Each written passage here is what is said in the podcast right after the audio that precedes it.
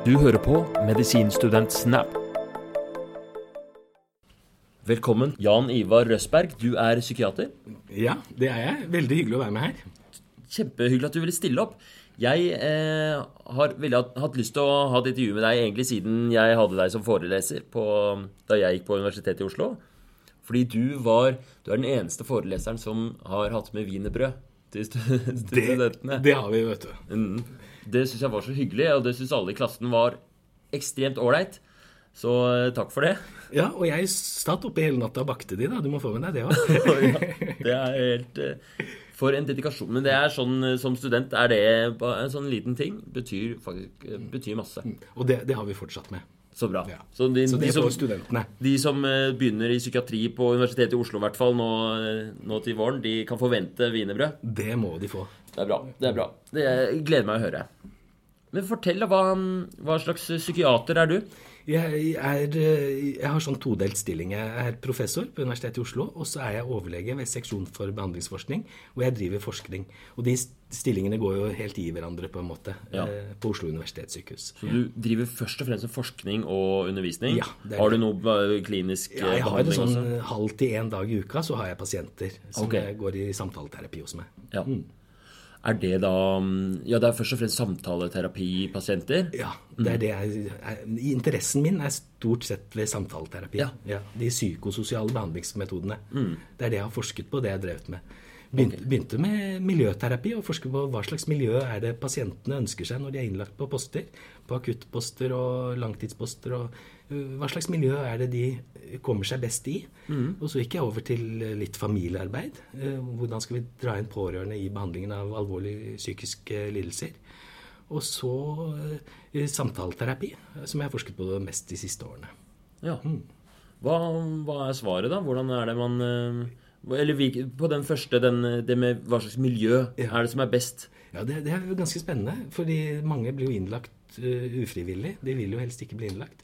Så det, det, vi har, det vi har funnet ut, er at hvis du har et miljø på posten, en sånn atmosfære Det er litt sånn vanskelig å definere hva en atmosfære er, men alle har en sånn uh, inntrykk av hva det er, sånn umiddelbart. ikke sant? Du vet at det er godt å være et sted, du vet at det ikke er så godt å være et annet sted.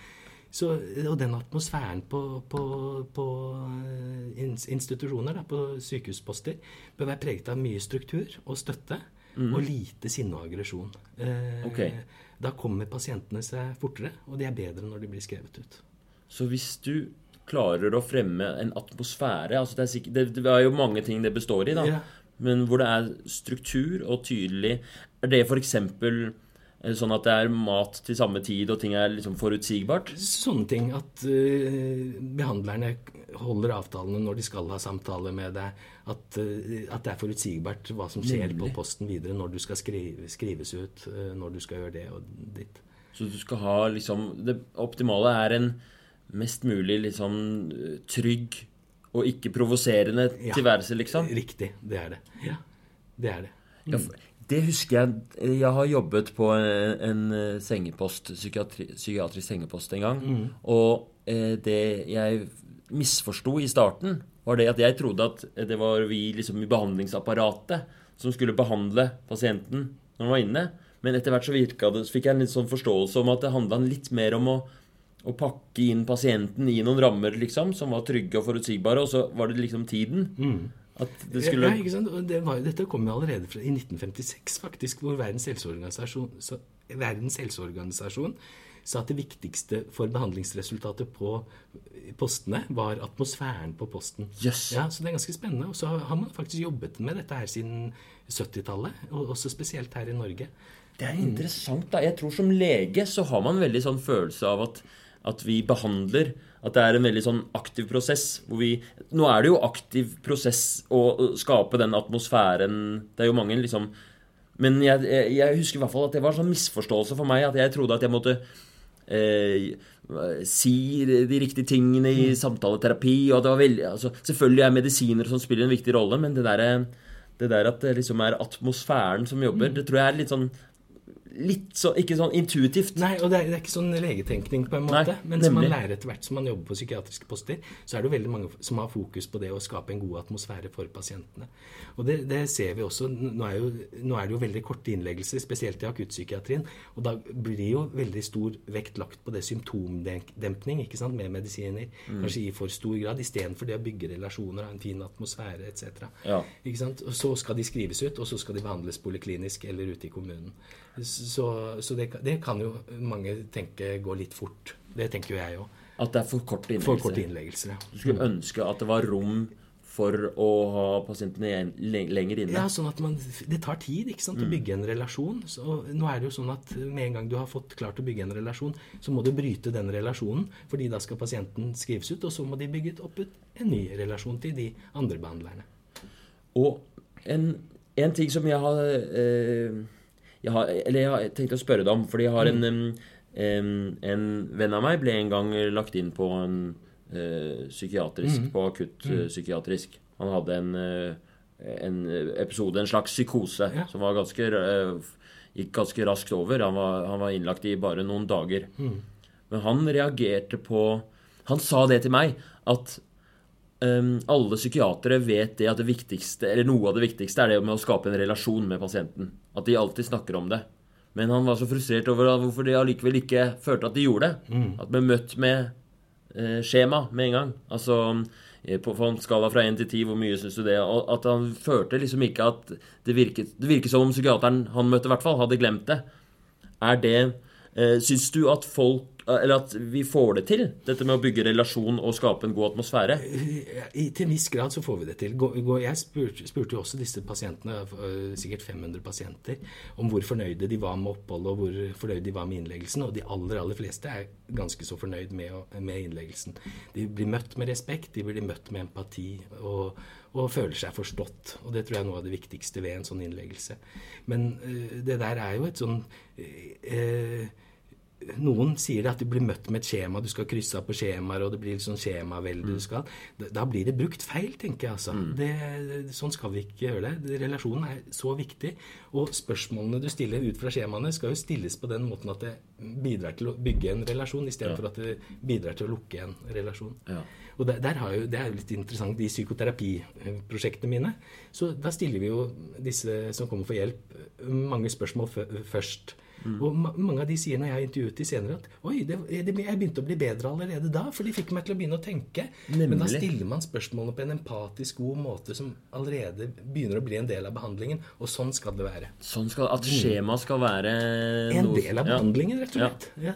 Men det krever Det er så Altså um, De pasientene jeg har møtt altså det, det er jo Psykiatriske pasienter er jo utrolig om et veldig variert bilde, selvfølgelig. Men øh, for eksempel pasienter med personlighetsforstyrrelser som man møter. Sånn em, emosjonelt ustabil personlighetsforstyrrelse, eller det som også blir kalt borderline. Eh, det, min erfaring med å snakke med den gruppen pasienter, er at det er så ekstremt krevende Altså, hvis, hvis målet er å skaffe en uh, eh, atmosfære hvor det er lite aggresjon og rammer og sånt noe, så har du jo også Vanskelighetsgraden er kjempehøy. Ja, ja, ikke sant? For det er, Det er noe med det er- pasient... det er- Ja, eller Ja, det er liksom du sier at uh, pasientene er veldig forskjellige. Altså Ikke bare er det forskjellige diagnoser, men innad i alle diagnoser og sånn, så er, det sånn pasienter med psykoser er jo veldig forskjellige. De, du, må, du må møte de der de er. Og det er det som er kunsten, og det er det psykiatere, psykologer og de som behandler mm, personer med psykiske lidelser må lære seg. Hvordan kan jeg best mulig møte den pasienten med de plagene i den spesielle situasjonen han eller hun er i. Det er kunsten. Hvordan er det jeg skal lære meg det, da? Eh, Det skal du lære deg gjennom veiledning, og som psykiater så får du mye veiledning. Eh, For det første får du en overlege når du begynner, på, begynner i spesialiteten din, men i tillegg så skal du også ha tre år med psykoterapiveiledning, hvor du ser på dette her med hvordan skal jeg best kunne få en relasjon til den pasienten, hvor du får veiledning på det av en mer eh, erfaren spesialist. Så det brukes mye tid på det under utdannelsen, altså. Det gjør det. Så ja, ikke sant. Så tre år med psykoterapiveiledning og, og tett oppfølging. Men hva med lytterne våre som ikke blir psykiatere? Hva, hva slags eh, tips har du til de? Eh, de har lært en del gjennom studiet, håper jeg. Både ja. i atferdsfag og i psykiatriterminen. Mm. Jeg tenker vi har ganske mye fokus på det. Mm. Spesielt i, når vi snakker om psykoterapier og sånn. For da regner man Det er kanskje den viktigste delen i, for resultatet i psykoterapi. At du har en god relasjon. Mm. En åpen, støttende, ivaretagende relasjon med pasientene. Er det noe sånn Jeg føler det der med eh, å, å, lage, skape relasjon Det er jo alle når man, Uansett, når man er lege, så er man jo veldig forskjellige personer og man har forskjellige måter å, å, å relatere til folk på. Hvordan er det Er det noe konkret du kan si, eller noen sånn feil folk gjør, eller sånn som du kan trekke fram? Jeg, jeg, jeg, tenker at de ikke er nysgjerrige nok på den mm. personen som sitter foran deg. Hvordan skal jeg kunne klare å skape en god relasjon? Hva er det du trenger? Hvordan skal vi klare å møte hverandre der du er, og der jeg er? Jeg tror Hvis vi har den der nysgjerrigheten, hvis, hvis vi klarer å opprettholde den som leger, og da ikke bare psykiatere, så, så og stille mange spørsmål. Hvordan var det med den? Ja, hvordan er det du har det der? Eh, kan det henge sammen med det? Så, så vil eh, pasienten også etter hvert føle seg mye mer ivaretatt, tenker jeg. Hvis mm. vi er nysgjerrige på dem. Hva, hva, hva, er det de kan lære oss som leger? Ja. Hvis vi har den holdningen, så, så, tror jeg vi møter dem på en annen måte. Men jeg har bare lyst til å si, for dette er jo det, nå, nå, kan jeg prate i evigheter, Herman. fordi dette er jo det jeg syns er spennende. Ikke sant? Vi snakker om i psykoterapi, og for så vidt i, når det gjelder postmiljøer og sånne ting, at det er relasjonen som er viktigst. Men hvordan vi kommer fra den relasjonen til at personen får mindre psykosesymptomer, mindre depressive symptomer etc., at de blir bedre, det vet vi ikke. Hva er mekanismen? Og det er det jeg sitter og forsker på nå. Altså, okay. Altså, Hvordan kommer vi fra en god relasjon til at det hjelper pasientene som kommer ja. for å få hjelp. For vi vet, at, vi vet, at, hvis du har en god relasjon med pasienten, mm. så vil pasienten bli friskere. Ja. Men hva er det egentlig som foregår der? Og Er det en årsak, eh, årsakseffekt der? ikke sant? Mm. Er det det, eller er det andre ting som styrer det? Vi vet at det er veldig stor sammenheng. Har du en god relasjon, så går det bedre. Mm. Men vi vet ikke om det, det, er den årsaken. Det kan være veldig mange andre grunner til det også. Ja, det kan jo ja, Hva med hvis, hvis eh, hvis, eh, hvis, jeg er hos en eh, Hvis jeg går til en lege med et problem, mm. Og så blir problemet mitt bedre, mm. kanskje jeg får bedre relasjon av det? Tenker, Nettopp. Ikke sant? Du kan være at, uh, vi måler, at fordi pasienten blir fort bedre, så vil de beskrive en bedre relasjon til deg fordi de fikk hjelp. ikke sant? Ja. Det, kan også, det kan være den motsatte. En, de, pasienten som kommer seg fort, vil beskrive en bedre relasjon til legen sin enn en som kommer seg mer langsomt. Det kan være en annen årsak til det. En ting jeg har lurt på når det kommer til sånn forskning på uh, metoder i psykoterapi Altså hva er best? Er det best med kognitiv atferdsterapi, eller er det best med psykodynamisk terapi? Um, det virker som om det er så vanskelig å forske på det, fordi det er jo forskjellige folk som gjør disse her. Når jeg, når jeg tenker på å drive med samtaleterapi, eller, som, eller jeg tror pasienten som eh, skal velge seg en psykolog, f.eks., de tenker jo ikke sånn 'jeg vil ha en som driver med den for Eller de kanskje gjør de det òg, men de tenker jo først og fremst sånn 'jeg vil ha en som er skikkelig flink'. Ja. At den personen har en kombinasjon av talent og erfaring som gjør at eh, Jeg får det bedre. Ja, ikke sant? Mm. Det tror jeg også de fleste pasienter tenker. Eh, de tenker ikke hvilken retning du har, om det er kognitiv, psykodynamisk eller Uh, interpersonlig psykoterapi. altså Vi har over kanskje 500 ulike psykoterapier. 500 forskjellige? Enormt mange forskjeller. De, men de, de, fleste bygger på kognitiv terapitradisjoner og psykodynamiske tradisjoner. Så det er liksom hovedretningene, i mm. hvert fall her i Norge. Ok. Mm. Og det, det, er de to. Og de virker stort sett likt når du sammenligner de. Ja. Men, så, og, Hvilken er din favoritt? Nei, Jeg er utdannet kognitiv terapeut. Jeg er først utdannet litt psykodynamisk terapeut, og mm. så er jeg kognitiv terapeut okay. uh, med veiledningskompetanse og sånn. Så du har to liksom, hovedgrupper av psykoterapi, altså ja. samtaleterapi. Ja. Og det ene er da eh, kognitiv atferdsterapi, ja. som er sånn ta tak i tankene og følelsene som er her og nå, mm. eh, og jobbe med de. Og så er det psykodynamisk terapi, som er litt mer sånn dykke i underbevisstheten, fortid og sånn? Ja, ja, du kan si det på den måten, men begge to er mer og mer her og nå-orientert. på en måte. Okay. Altså at Hvordan skal vi hjelpe deg med det problemet du har nå? Også, Ja, det er bedre om du forteller meg forskjellen på de to, enn at jeg prøver. ja, ja, men det er ikke noe sånn det er, eh, det er ikke lett å forklare forskjellen på det. Sånn klassisk psykoanalyse er noe annet enn den litt mer moderne korttidspsykodynamiske terapien som mange får nå. Mm. Iallfall ute på de offentlige poliklinikkene så er det jo korttidspsykodynamisk terapi. Og da er det ikke så stor forskjell mellom den og kognitiv atferdsterapi, tenker jeg. Du har noen sånne holdninger du, øh, som er altså Kognitiv atferdsterapi tar jo, som du sier, litt mer sånn øh, øh, hensyn til tankene dine, atferden din, og ser er dette hensiktsmessig, er dette realistisk, eller tenker du litt sånn uhensiktsmessig nå? Og så sitter vi og prøver å prate og, og undersøke det sammen med pasientene. Eh, I mer psykodynamisk terapi så jobber de mer med relasjonen mellom Du bruker deg som terapeut mye mer enn i kognitiv terapi. Okay. Hvorfor dukker disse følelsene opp her i timen nå når jeg sitter her? Sant? Så overfører de kanskje tidligere forhold til, til terapeuten sin, og så kan man sitte og se på hva det er for noe. Hvis du er med på det. Litt mer, det blir kanskje litt mer sånn rollespill og litt mer sånn Ikke rollespill, tror jeg, men sant? Du, når du sitter her og snakker med meg, og så kan du få kanskje noe, bli sint eller lei deg eller et eller annet sånt. Ja, så du har terapi med meg, og så blir jeg sint? Ja, og så lurer jeg ja, hvorfor, hvorfor ble du sint akkurat når jeg stilte det spørsmålet, f.eks.? Da drar jeg meg, meg inn i relasjonen, på en måte. Jobber med relasjonen mellom oss. Det høres så, så krevende ut. Veldig. Og du, du, det er nok mer krevende også, kanskje, enn kognitiv terapi, hvor du er litt mer sånn opptatt av Oi, hvordan skal du håndtere den? Du, du, du, du har masse triste tanker når du er på jobben. Hvordan skal du håndtere det, f.eks.? Hvor du er mer sånn eh, Kanskje mer løsningsorientert. Nå er det sikkert noen som eh, arresterer meg ved å si, det. Ja, men når det er 500 forskjellige, det blir jo et virvar av eh, ting å forholde seg til, da. Ja, det, det er noe av problemet, ikke sant? Og som vi, vi, vi har klart det nå på Universitetet i Oslo. Da. Vi har samlet fire hovedretninger på en måte i, i psykoterapi. Det som kalles metakognitiv terapi, psykodynamisk terapi, kognitiv terapi og, og mentaliseringsbasert kognitiv terapi. Så har vi startet et prosjekt sammen eh, hvor vi skal undersøke hva som virker for hvem, og hvordan det virker. Og det er det, er, det, er det spennende problemstillingen nå. Så dette her er. Ja, det kan jeg tenke meg, da. At det her er Fordi her er det så mange ubesvarte spørsmål, sikkert. Og nå i, de, i disse dager så Eller du jobber med å få svar på det.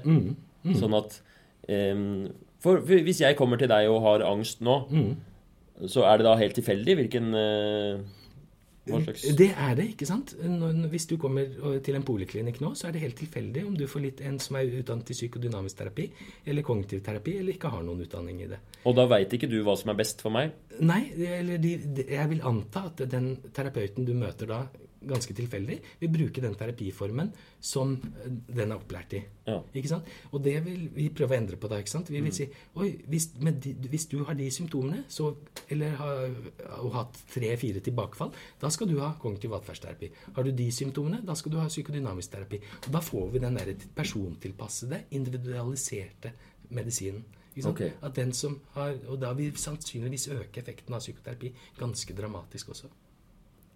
For å få liksom litt mer kjøtt på beinet på hva liksom kognitiv atferdsterapi er, kan du komme med noen eksempler eller noe eh, fra terapien? Hvordan det foregår? Når det gjelder kognitiv atferdsterapi, så har det er jo det jeg jobber med, så der har jeg egentlig mange eksempler.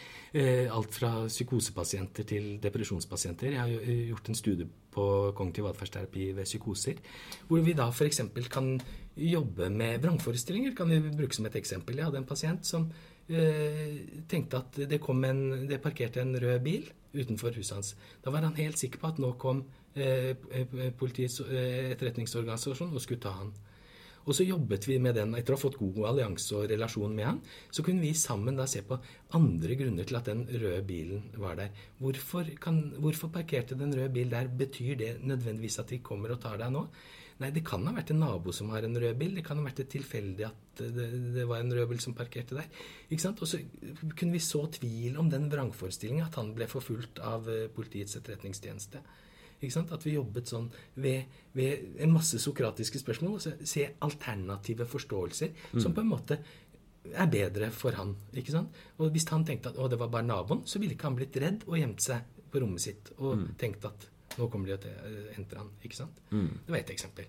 Eh, det, det, det, der har jeg mange mange eksempler. Så du, ja. du kan bruke kognitiv atferdsterapi på, på, mange forskjellige Det er ikke bare angst og depresjon, liksom? Det er på psykosepasienten og på Ja, ja. Sånn I retningslinjene så er eh, kognitiv atferdsterapi anbefalt for pasienter med psykose, schizofreni og mm. lignende tilstander. Men det, ut, ble utviklet for depresjon, og så kom angst, og nå spiseforstyrrelser og en rekke andre lidelser. Mm. Smerter også det, brukes det for. for. Jeg syns det virker så gøy å drive med samtaleterapi. Det er faktisk veldig veldig spennende. Det er det, er det jeg syns er spennende med psykiatrien som fag. Mm. Det er samtalene. Altså At du skal nå inn til, prøve å hjelpe, møte de der de er. Endre de sånn at de får mindre symptomer, bedre livskvalitet, bedre funksjon. ikke sant? Mm. Og, og få, få, det bedre, på en måte. Og det er så spennende. Og de aller fleste får hjelp, altså. Ja, fordi de pasientene du har, mm. blir de, blir de bedre? De blir bedre. Blir de friskere? Det, men der kommer det litt an på Er en uh, pasient med psykose, schizofreni f.eks., med masse vrangforestillinger, uh, dårlig funksjon, hallusinasjoner, hører stemmer og, og, sånne ting, så må du bruke mye mer tid. For det første må du bruke lengre tid på å få en god relasjon. Og så, og, så, tar det litt lengre tid å endre, endre de uhensiktsmessige antagelsene. Mens depresjon så kan det gå rimelig kjapt. altså Tolv timer, f.eks. Da kan du eh, fint ha klart å komme deg ut av den depresjonen. Altså én time tolv ganger? En time tolv mm. ganger, ja. Mm, kanskje altså, enda kortere. Noen ja. bruker fem timer. Så er de ute. Ja. En sånn depresjons... Altså mange Jeg, jeg opplever virke, Det virker som depresjon er sånn tilbakevendende ofte. Ofte så er det jo det. Er det mm, Kan man, kan man læres Eller øh, den der samtaleterapien, er det noen som slutter å få depresjoner? hvis du Det, sånn. det, er det, ikke sant. Litt Hensikten med samtaleterapi er at du skal lære å bli din egen terapeut. Mm. Ikke sant? Sånn at du kan bruke det videre i livet. Og det vet vi. ikke sant? Vi vet jo at hvis du har en alvorlig depressiv lidelse, så virker eh, kognitiv atferdsterapi og antidepressiva omtrent like bra. Men det som skjer når du får kognitiv atferdsterapi, så får du ikke så mye tilbakefall eh, ah. som når du får medisiner. Ja, Så på den aktuelle depresjonen ja.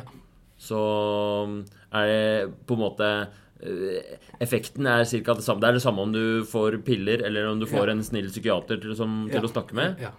Mens i det lange løp så hadde du mm. mer å lære av å være hos psykiateren eller psykologen. Ja, og få psykoterapi, samtaleterapi. Mm. Men når det er sagt, så er det, hvis du har en veldig veldig dyp depresjon, så er det mange som sier da eh, at de trengte antidepressiva for å nyttiggjøre seg av psykoterapien. Ja. De er så langt nede at de, de er med i timen, men ikke helt.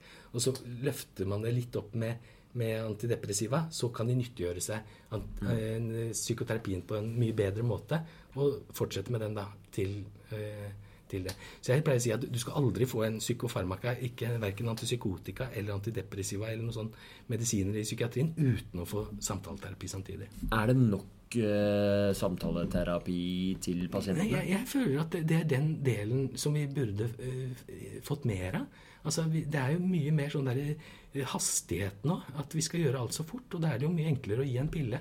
Jeg tenker at, vi, at det ville vært veldig samfunnsøkonomisk nyttig hvis vi da hadde gitt i en god terapi allerede i starten, første mm. møte, langvarig nok, sånn at de ikke får de tilbakefallene, og får de ordentlig friske. Istedenfor at det blir veldig sånn hastig med få timer og fort, fort gjort. Skal det gjøres. Ja, Så det, her, det er sånn budsjett uh, det, er, budsjett. det, er, fordi det er for dyrt? Ja, ja ikke sant. Og de, det, det, er jo litt sånn tankevekkende. Det prosjektet jeg har nå på noen uh, poliklinikker i, i, Oslo her, så får du jo dobbelt så mange uh, timer i det prosjektet når vi skal undersøke, effekten av det, enn det de andre pasientene vil få. De som ikke ja. er med i prosjektene. Fordi de har ikke tid. De må avslutte fordi de skal få nye pasienter hele tiden. Ja. Og det er et tankeprosjekt. Vi får nok for lite av samtaleterapi. Ja, Det er mangelvare. Det er mangelvare, definitivt. Ja, det virker som eh, Jeg syns jeg hører masse historier om pasienter som, mm, som eh, hvor fastlegen f.eks. tenker at her kunne vært kjempenyttig med litt samtaleterapi. Fast, men fastlegen føler seg ikke helt at de klarer det selv. Henviser, men så blir det avvist fordi problemene ikke er alvorlige nok. Mm. At uh, kom tilbake når du er verre, liksom. Ja, ikke sant. Og det, det tenker jeg det er, Her er det flere ting som er veldig spennende, syns jeg. For det første at 85% av antidepressiva og uh, medisiner vi bruker i, eller, mot psykiske lidelser, skrives ut av fastlegen.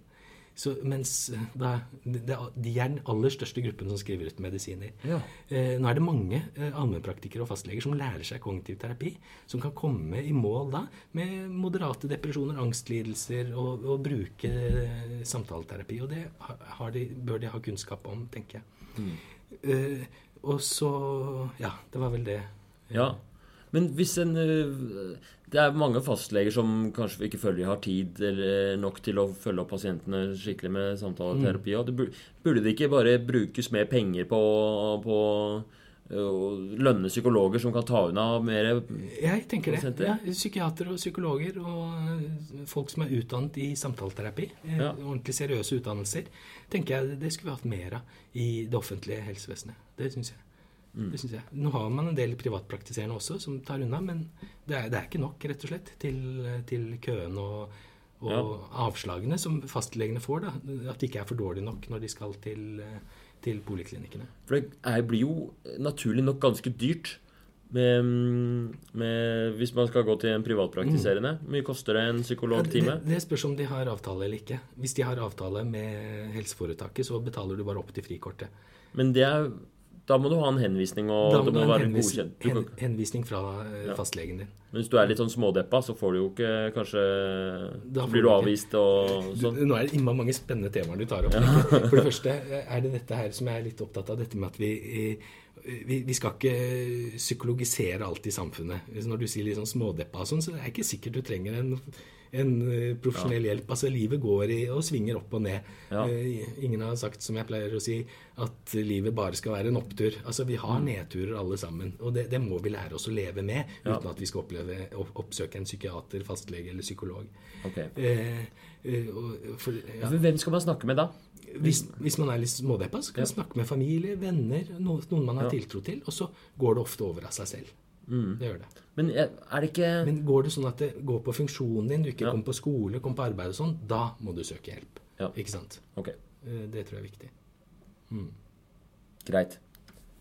Da Men er det ikke et eller annet med at um, Med at liksom det forebyggende og altså Er det ikke mange som jeg, jeg, Det virker som veldig mange har lyst til å snakke med psykolog, og som kanskje eh, går til en privat eh, psykolog da, uten å nødvendigvis ha så mye problemer, men de, de ønsker den der, å, å snakke med noen, og den der, å snakke med noen som er Det er veldig stor forskjell å snakke med en som er profesjonell, og som har taushetsplikt, og som er på jobb, enn å snakke med en i familien Ja, ja, som har sine egne greier. Du har en, hel, en relasjon i Ja, bunnen ja, der. Og, ja, ikke sant? Men jeg tenker iallfall det offentlige helsevesenet og poliklinikker må ta de som trenger det mest. Ja. Ikke sant? Det, det må de helt klart.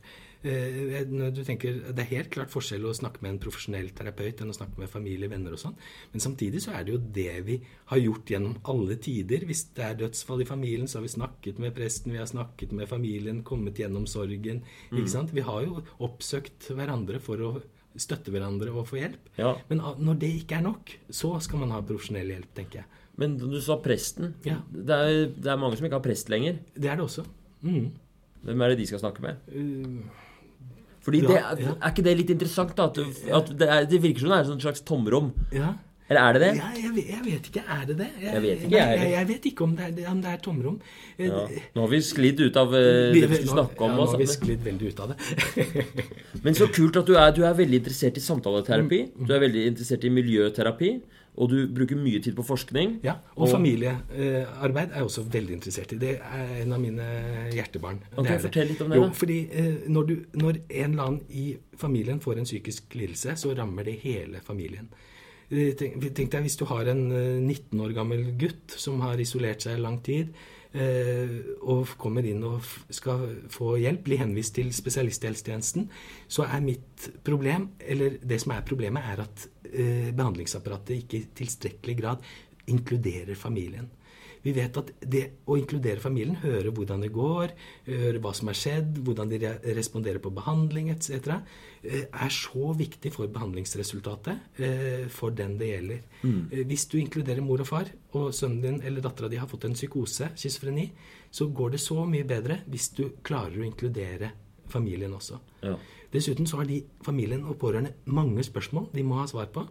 Og, og som, som de også får det bedre av å få svar på. ikke Ja. sant? Vi vet at det, det er ganske stressende å ha en sånn eh, pasient med uh, schizofreni f.eks. Mm. i, i nær, omkrets. og Hvordan skal jeg forholde meg til dette? Hva skal jeg gjøre? ikke sant?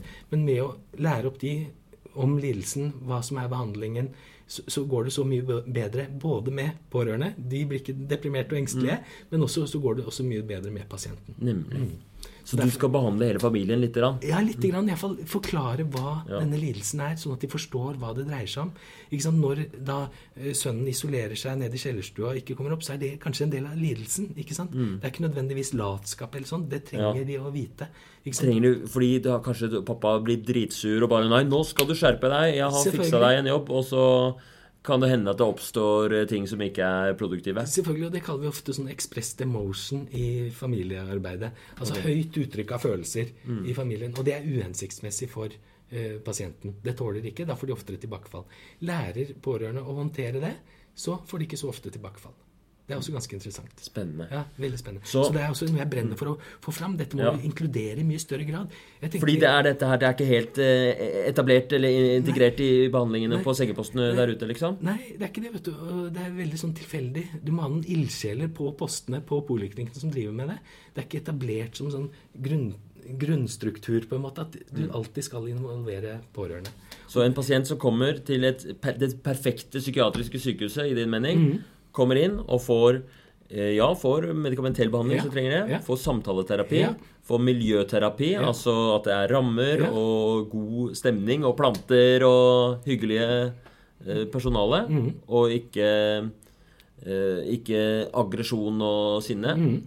Og i tillegg så blir familien in Inkludert. invitert til samtaler og får opplæring og kursing. Og Da, da begynner det å nærme seg. Og hvis det da har gått en ting, at man begynner å habilitere tilbake til skole, tilbake til jobb. Det, det, det er jo kjempeviktig at de har noe meningsfullt å drive med. ikke sant? Og har en jobb i 50% første tiden, 75% og så stadig Eller begynner på skole igjen. Ikke sant? Det er så viktig at de har noe meningsfullt å gjøre også. Og da går det bra med veldig mange, altså. Da, ikke sant? Vi trodde før at du aldri ble frisk av schizofreni, f.eks. Nå vet vi at Hallo, det går bra med 30% kanskje, og så er det kanskje bare 10% som har veldig dårlig forløp, som trenger veldig veldig mange innlegg, innleggelser. Men jeg tenker sånn at, at vi, når vi, når vi ser tilbake av og til på, på behandlingen om 50 år, f.eks., eh, hva barnebarna våre tenker om behandlingen vi ga nå, så tror jeg det kommer til å være at vi ikke brukte det vi visste hjalp. Ikke? Vi tok ikke bruk ikke? Nå vet vi, Hvis du har en, fått en psykose, så vet vi at det er viktig med samtaleterapi, medisiner, familiearbeid, habiliteringstiltak. Men vi bruker det ikke nok. Ikke sant? Og det tror jeg er den store skandalen man kommer til å se Ja, nemlig. Vi har svaret, egentlig. Ja, Vi har mange svar, i hvert fall. Ikke, Vi kommer til å utvikle bedre og bedre medisiner, bedre og bedre samtaleterapier, bedre og bedre familieinvolvering. Men jeg tenker at vi vet ganske så mye, men vi tar det jo søren meg ikke i bruk. Og det syns jeg er en skandale. Jeg får lyst til at du skal bygge Jeg vil, at, Ja. jeg vil komme til ditt sykehus, jeg nå. Ja, ikke sant? Så spennende. For da, vi, vi har så mye i den der kassa nå som vi kan ta i bruk, og så må Mm. vi finne hva er det du har mest nytte av. Er det samtaler? Er det medisiner? Er det den?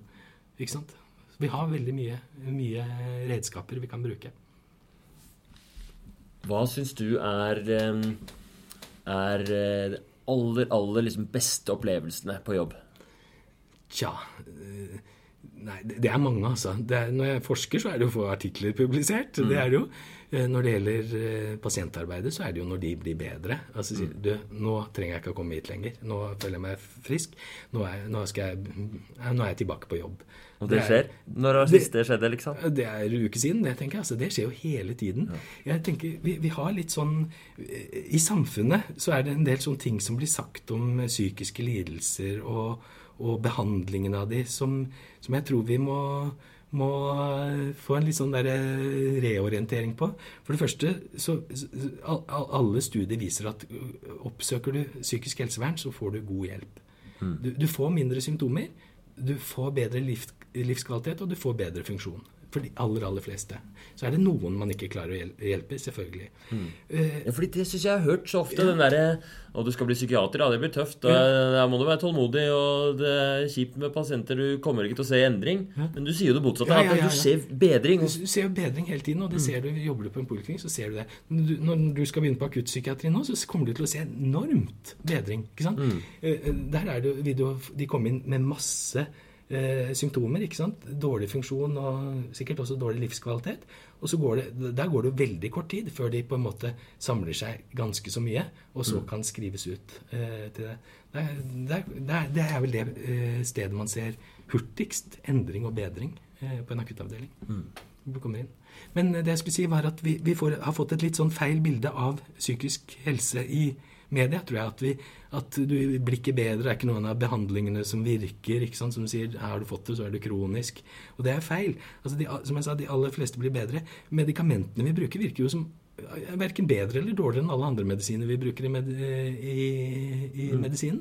Altså, det ikke, Oversikter viser at de virker litt bedre faktisk enn de andre medisinene, hvis vi sammenligner. Ja. Ikke sant? Så det, er, okay, det har jeg misforstått fullstendig ja, ja. Jeg har gått rundt og tenkt at, eh, at vi ikke har så gode psykofarmaka. Ja. Det er feil. Det er det. Det, det er det, altså. det, ser du på oversiktsstudiet, så virker de faktisk litt bedre enn hvis du sammenligner med blodtrykksmedisin, hjertemedisiner, sukkersykemedisiner alt sammen. Men var det ikke et stort studie om Uh, dette her uh, burde jeg jo selvfølgelig forberedt meg på.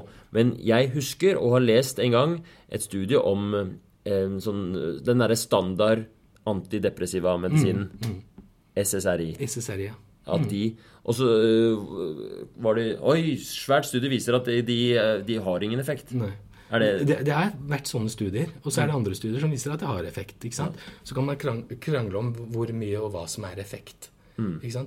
Men antidepressiv er jo den eh, hvor det har vært mest sånn krangling om det. Hvor mye er effekten, og hvor mye er reduksjonen på disse, i depresjon, som er klinisk meningsfull, på en måte. Eh, der er det. Jeg tenker at eh, Der tror jeg også at eh, kommer du til spesialisthelsetjenesten, så får du medisiner. Du gjør jo ikke det. Altså 50% på poliklinikkene i spesialisthelsetjenesten får jo ikke medisiner. De får samtaleterapi. Ja. Lette, moderate angstlidelser, depresjoner og sånn skal jo ikke ha medisiner. Det er feil å gi dem medisiner. Mm. Men er det alvorlige depresjoner hvor du ikke kommer i mål med samtaleterapi, så skal du prøve medisiner. Ja. Og da kan det være det som løfter deg opp, sånn at du kan nyttiggjøre deg av samtaleterapien. Og så ha fokus på det. hindre tilbakefall, få tilbake funksjon og livskvalitet. Det er spennende. Det er veldig mye debatt om om medisin og medisinfrie tiltak. Og du har i media blitt et litt sånn talerør for god bruk av medisin. Ja. Men egentlig, forskningen din handler jo om ting som er medisinfritt. Ja, og det, det er litt morsomt, egentlig. Altså, det er jo, jeg har alltid bare forsket på de psykososiale tiltakene mm. som sier altså miljøterapi, familiearbeid, eh, eh, psykoterapi og, så, og sånne ting. Eh, og tidlig intervensjon. Å komme tidlig til. Eh, men, men, jeg er også veldig opptatt av at det vi implementerer i helsevesenet vårt, som vi nettopp har sagt, vi bruker ikke engang det vi vet virker. Jeg er så opptatt av at det skal være godt dokumentert. Vi skal vite hva vi gjør, ellers så kan vi skade. Og det har øh, psykiatrisk historie ganske dårlig erfaring med lobotomi etc. Så mm. vi, har, vi, har, ikke visst nok om metodene vi har tatt i bruk, og det må vi ikke uh, la gjenta seg. Altså. Den feilen kan man ikke gjøre igjen. Jeg har vært veldig En av de tingene Det er mange ting med de medisinfrie tiltak-diskusjonene som vi kunne diskutert.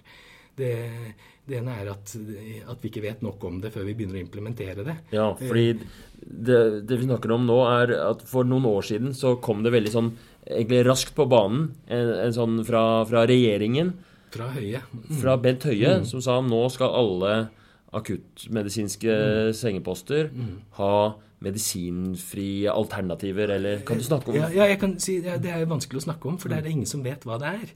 Eh, det, er jo litt morsomt. Hva er medisinfrie tiltak? Eh, Høie sa jo at alle helseforetak skulle ha medisinfrie tiltak.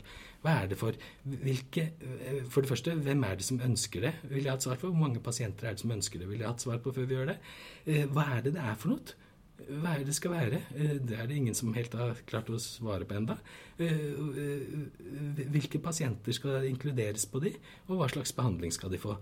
Så eneste, Når jeg leser, leser om det, så er det sånn at det er en enhet hvor du skal inkludere alle mulige pasienter, og som skal få hva de selv vil av behandling. Og Da tenker jeg det er så diffust at vi ikke kan innføre det. Og det har det vist seg også, for vi har fått nå forskjellige medisinfrie tiltak i alle helseforetakene. I Helse Midt så har vi for depresjon og angst. Det er jo sikkert et kjempefint tiltak og ikke noe problem med. Eh, eh, noen holder av sengeplaster, sånn som i Vestre Viken. Holder, holder av noen plasser som skal være medisinfrie på de ulike postene. Og det er jo helt greit, på en måte.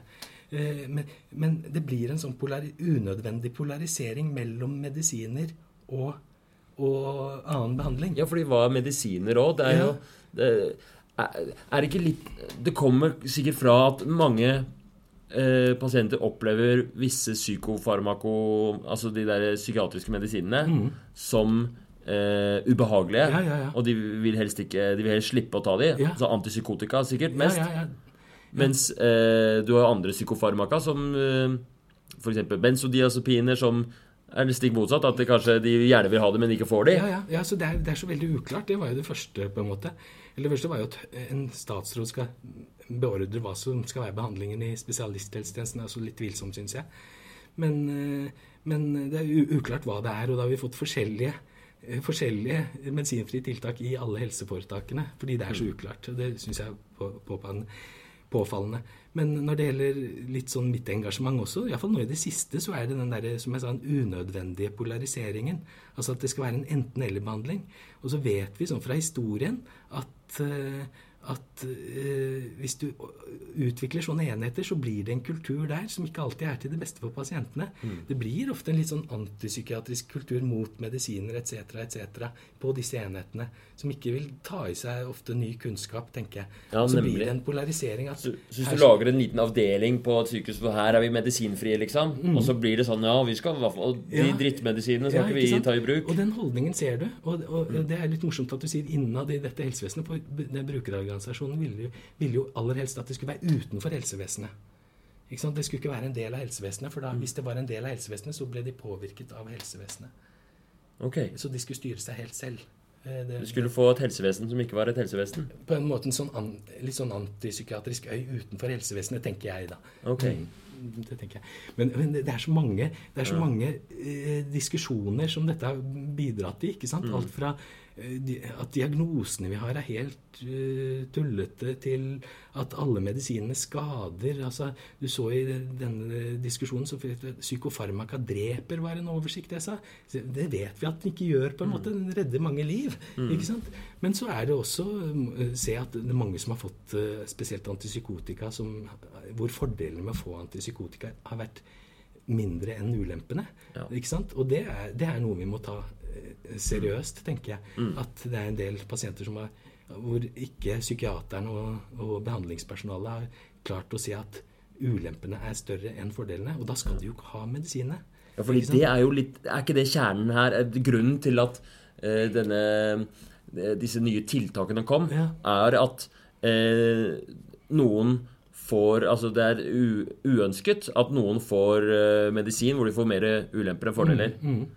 Og det er selvfølgelig et problem, og det må løses på en eller annen måte. Det må løses, men det må vi ha Det løses best, tenker jeg da, at vi er mer obs på det i hele helsevesenet. Vi skal ikke ha egne enheter hvor de er opptatt av det. Vi skal, ja. De skal være opptatt av hele helsevesenet. Og den siste delen som jeg også har vært opptatt av, er jo at når vi får den unødvendige polariseringen, så blir det en kamp mellom psykososiale metoder og mer sånn biologiske, medisinske metoder.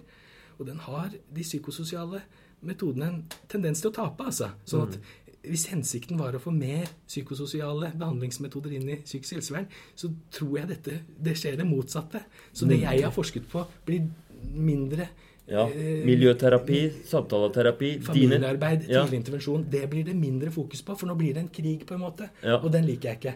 Dette, eh, behandlingen skal være både og, ikke enten-eller. Ikke sant? Hele tiden. Ja. Og så må vi bli flinke til å si Oi, shit, du har mer ulemper av disse medisinene. Da skal du ikke ha de. Mm. Her er fordelene klare.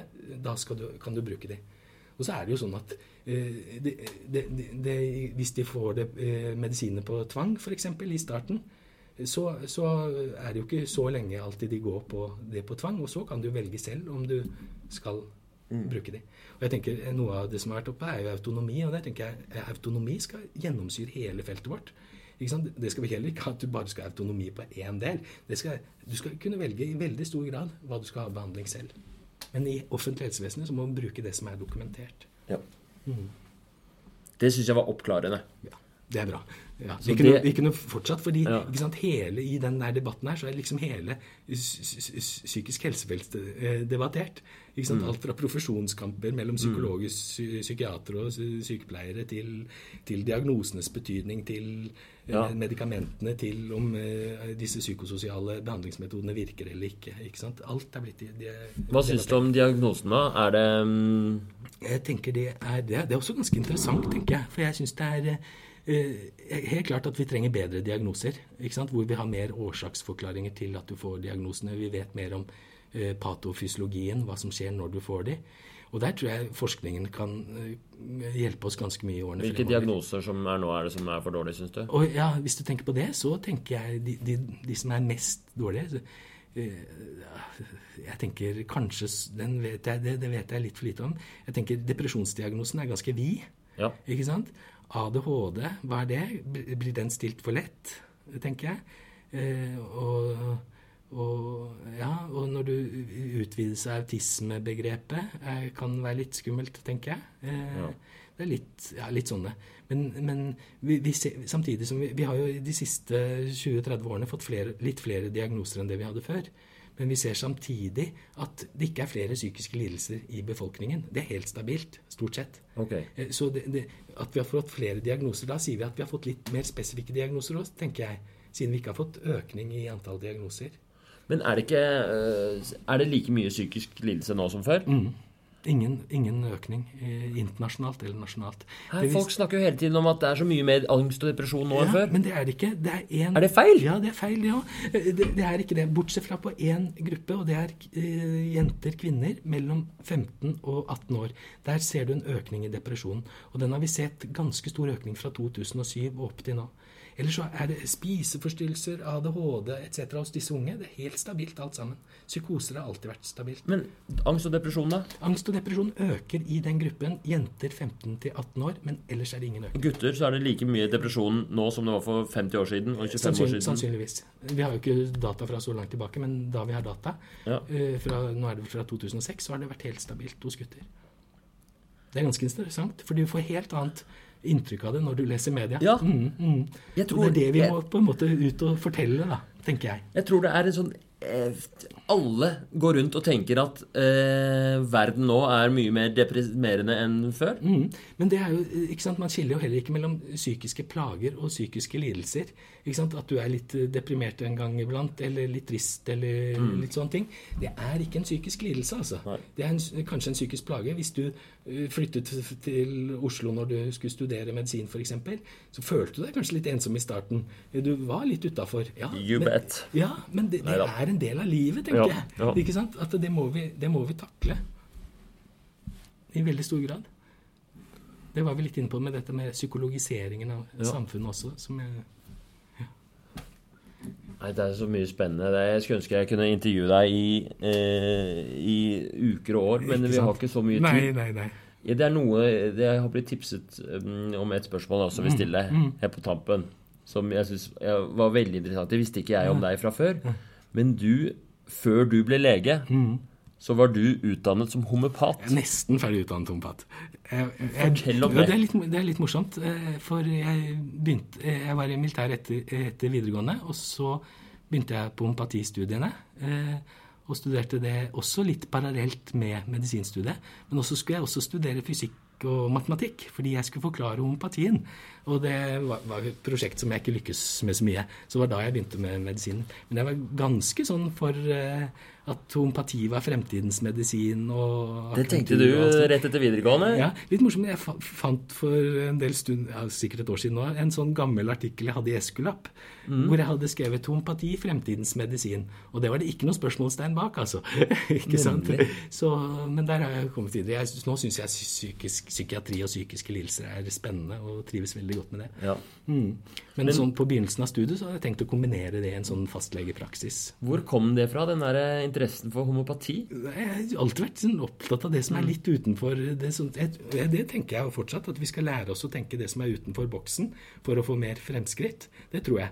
Eh, Men så er det, så er det noen som har sagt at det er forskjell på nei, et åpent sinn og høl i huet, Ja. på en måte. Altså, eh, men, men den, jeg, jeg syns alt det der er alt Jeg syns alt som er utenfor, er spennende, og hvordan det hvordan det oppstår. Alt fra Flat Earth Society. Hvordan er det folk kan holde på med det? Antivaksinasjonsbevegelser. Hvorfor tror de så innmari sterkt på det? Klimafornektere. Hvorfor tror de så sterkt på det? Jeg synes alt sånn jeg, jeg, jeg er så nysgjerrig på hvorfor de tenker som de tenker. Det er det som driver driver meg litt. Og jeg syns det er spennende, på en måte. Ja. Mm. Hva syns du om um, Eller hva, hvordan Det må jo være en slags eh, konflikt i deg, da. Mellom den um, eh, Den eh, unge Røsberg rett fra videregående og, og homopati fremtidens medisin Mm. og, og og nå som du driver med forskning på behandlingseffekt. Ja, ja, det er det. Men, men jeg hadde jo litt sånn at det, det er ganske interessant i forbindelse med de medisinfrie tiltakene også, eh, som vi har hatt en sånn diskusjon av. Det som, det som er kritikken, og det som var kritikken min, var jo ikke var jo mot skolemedisinen. Det var ikke å forsvare ompatien, på en måte. Jeg, jeg, var ikke, den er fin mot det, den er fin mot det. Det var å kritisere det bestående, og det er ganske lett. Og det er litt av det samme som eh, den, noen, noen av disse argumentene for medisinfrie tiltak Ja. gjør også. De kritiserer bare medisinen sånn som den er nå. Og det er veldig lett, det, det kan jeg også gjøre. Men hva skal alternativet være? Hva er det vi vil ha mer av? Det er det Ja, som er spennende. Eh, ikke sant? Når jeg så på de tidligere artiklene jeg hadde skrevet, så var det jo bare kritikk av skolemedisinen. Og det kan jo hvem som helst gjøre. Ja. Ikke sant? Men du må, du må få en annen sånn Du må si hva som er bra med den nye metoden. Det er den som skal vise sin effekt. Ikke sant? Istedenfor den kritikken av eh, Ja, fordi den derre der søken til alternativ medisin som, og, og, og disse som ikke vil uh, vaksinere seg Fordi det, det, det, Jeg er- det syns er så vanskelig å forstå.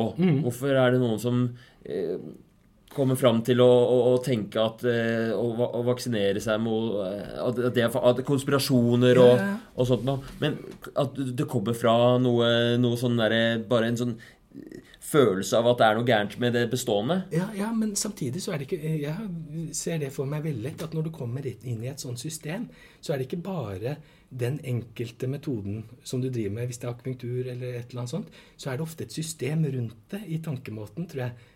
Ikke bare det, det andre er, er ille, men også at du, du hele tiden bekrefter det synet du selv har. Og det er jo så lett i dagens samfunn med hvor det skrives og gjøres så mye forskjellige studier. ikke sant? Du nevnte en antidepressiv studie. Eh, Jeg kunne nevnt flere antipsykotika-studier. Så, så du, må, du må i vitenskapen se på hele bildet. ikke Ja? Ikke det er så vanskelig, da. Men du kan fort ta ut enkeltstudier ikke sant? som viser at homopati virker, som viser at healing virker, som viser at eh, blomstermedisin virker, som kosttilskudd virker. Det er ikke noe vanskelig, det. Og så kan du holde fast på de.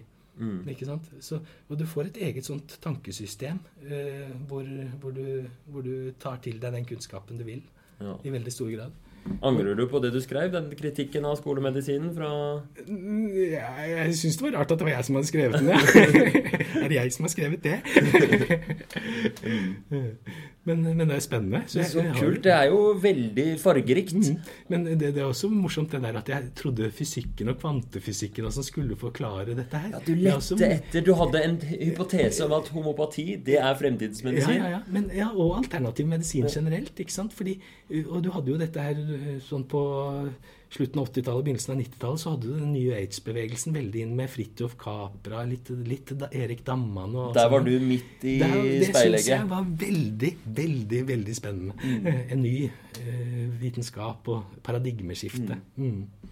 Mm, det var veldig spennende. Nå er jeg veldig glad jeg havnet i psykiatrien. Ja. Og jeg tror jeg går faktisk nesten hver dag og gleder meg til å gå på jobb. Altså. Det er mye spennende å finne ut av. Ikke sant? Det Er det sant? ja, jeg mener det. Ikke sant? Vi jobber jo Du gleder deg til hver dag på jobb? Ja, det tror jeg. Og du skal ut og møte disse deppa pasientene, og allikevel så syns du det er... Det er kjempespennende, ja. og det er ære å få møte dem eh, og få hjelpe dem. Og de kommer fordi de vil, ikke sant? Du blir ikke smitta, da. Du blir ikke dratt ned. Nei, gjør ikke det. Nei. Men jeg tenker, ikke sant Det er det der øh, Psykisk lidelse handler jo om at øh, vi jobber med tankene, følelsene og atferden til pasientene. Det er jo akkurat det som gjør at vi er mennesker. Ikke sant? Og det er så spennende. Jeg synes det er så spennende. Hva, hva er mennesket, på en måte? Hvordan kan vi havne i de situasjonene? Hva kan vi gjøre for å komme ut av den situasjonen? Kan vi tenke annerledes om den situasjonen? Det er så spennende. Og, men det må vi samtidig være ydmyke for. ikke sant? At vi jobber med tankene, følelsene og det som gjør at vi er mennesker. Så vi må være sikre på at gir vi samtaleterapi, så skal det hjelpe deg. Gir vi en medisin, så skal det hjelpe deg. Gir vi en annen hvilken som helst behandling, så skal det være til en hjelp. altså. Det må vi være så veldig opptatt av, for vi går jo inn på det der spesifikt menneskelige. Mm. Til slutt, har du noen tips til, eh, til medisinstudentene som hører på? Jeg tenker eh, at eh, man må, må velge spesialitet etter hva man, hva man har lyst til å jobbe med, tenker jeg.